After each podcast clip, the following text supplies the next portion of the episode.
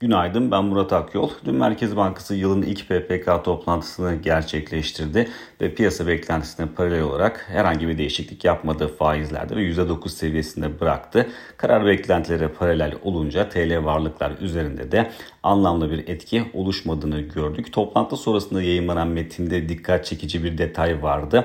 O da şuydu. E, Merkez Bankası son toplantıda e, mevcut politika faizinin yeterli olduğu vurgusunu kullanmıştı metinde. Bu kez bu ifadeye yer vermedi. Dolayısıyla bu aslında e, politika faizinde daha düşük seviyelere kapı aralayan bir cümle olarak değerlendirilebilir. Ama yine politika metninde, politika karar metninde e, Merkez Bankası enflasyonda iyileşme görülmeye başlandığına da vurgu yapıyor. Dolayısıyla bu vurgudan da yola çıkarak politika faizine daha düşük seviyelerin olma ihtimalinin, görülme ihtimalinin oldukça zayıf olduğunu söyleyebiliriz.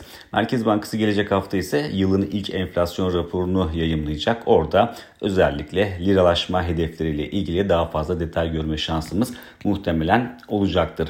Yurt dışına baktığımızda ise yurt dışında dün e, Amerika'da açıklanan veriler önemliydi. Çünkü önceki gün açıklanan veriler e, sanayi üretimi rakamı, perakende satışlar rakamı e, önemli oranda baskı yaratmıştı. Piyasa beklentisine kıyasla daha kötü rakamlar ortaya çıkınca Dünkü veriler e, işsizlik maaşı başvuruları, bunun yanında konut verileri ve Philadelphia Fed endeksiydi. Genel hatlarıyla baktığımızda piyasa beklentisine kıyasla aslında çok da uzaklaşmayan, piyasa beklentisinden uzaklaşmayan veriler gördük. Ama ekonomik aktivitenin de ivme kaybettiğine işaret eden verilerde.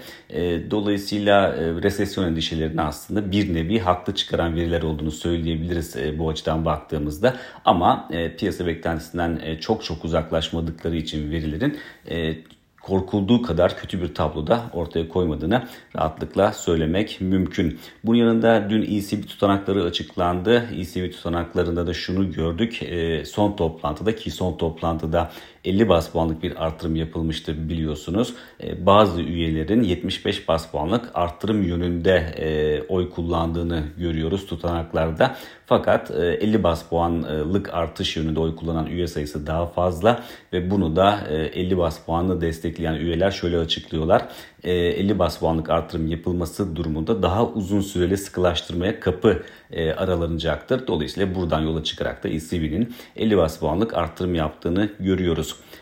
bugün yurt dışında genel hatlarıyla sakin bir görünüm var. Makroekonomik veri tarafında Amerika'da açıklanacak olan ikinci el konut satışları dışında önemli bir veri bulunmuyor. Ama FED yetkililerinin yoğun konuşma programı devam ediyor. Bugün de e, Harker ve e, Waller'ın konuşmaları olacak e, FED tarafında.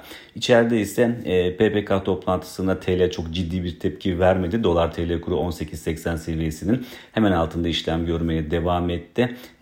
Aşağı yönlü hareketlerin limitli kalacağını düşünmeye devam ediyoruz ki Türkiye'nin 5 yıl vadeli CDS primine baktığımızda orada da son dönemde yukarı yönlü bir eğilim oluşması bu beklentimizi aslında teyit eder nitelikte. Diğer taraftan Borsa İstanbul'da e, haftanın ilk 3 gününde e, belirgin şekilde iyimserlik hakimdi. E, özellikle ilk günden sonra ama bir ivme kaybı olduğunu görüyoruz ki bu ivme kaybı dün de devam etti. Mevcut durumda bu ivme kaybının artarak sürmesi durumunda endekste bir düzeltme, küçük çapta bir düzeltme olma ihtimali de söz konusu olabilir. Dolayısıyla burada dikkat edeceğimiz teknik seviyeleri özellikle 5260 ve 5200 puan seviyeleri oluşturuyor. Bir sonraki podcast'te görüşmek üzere.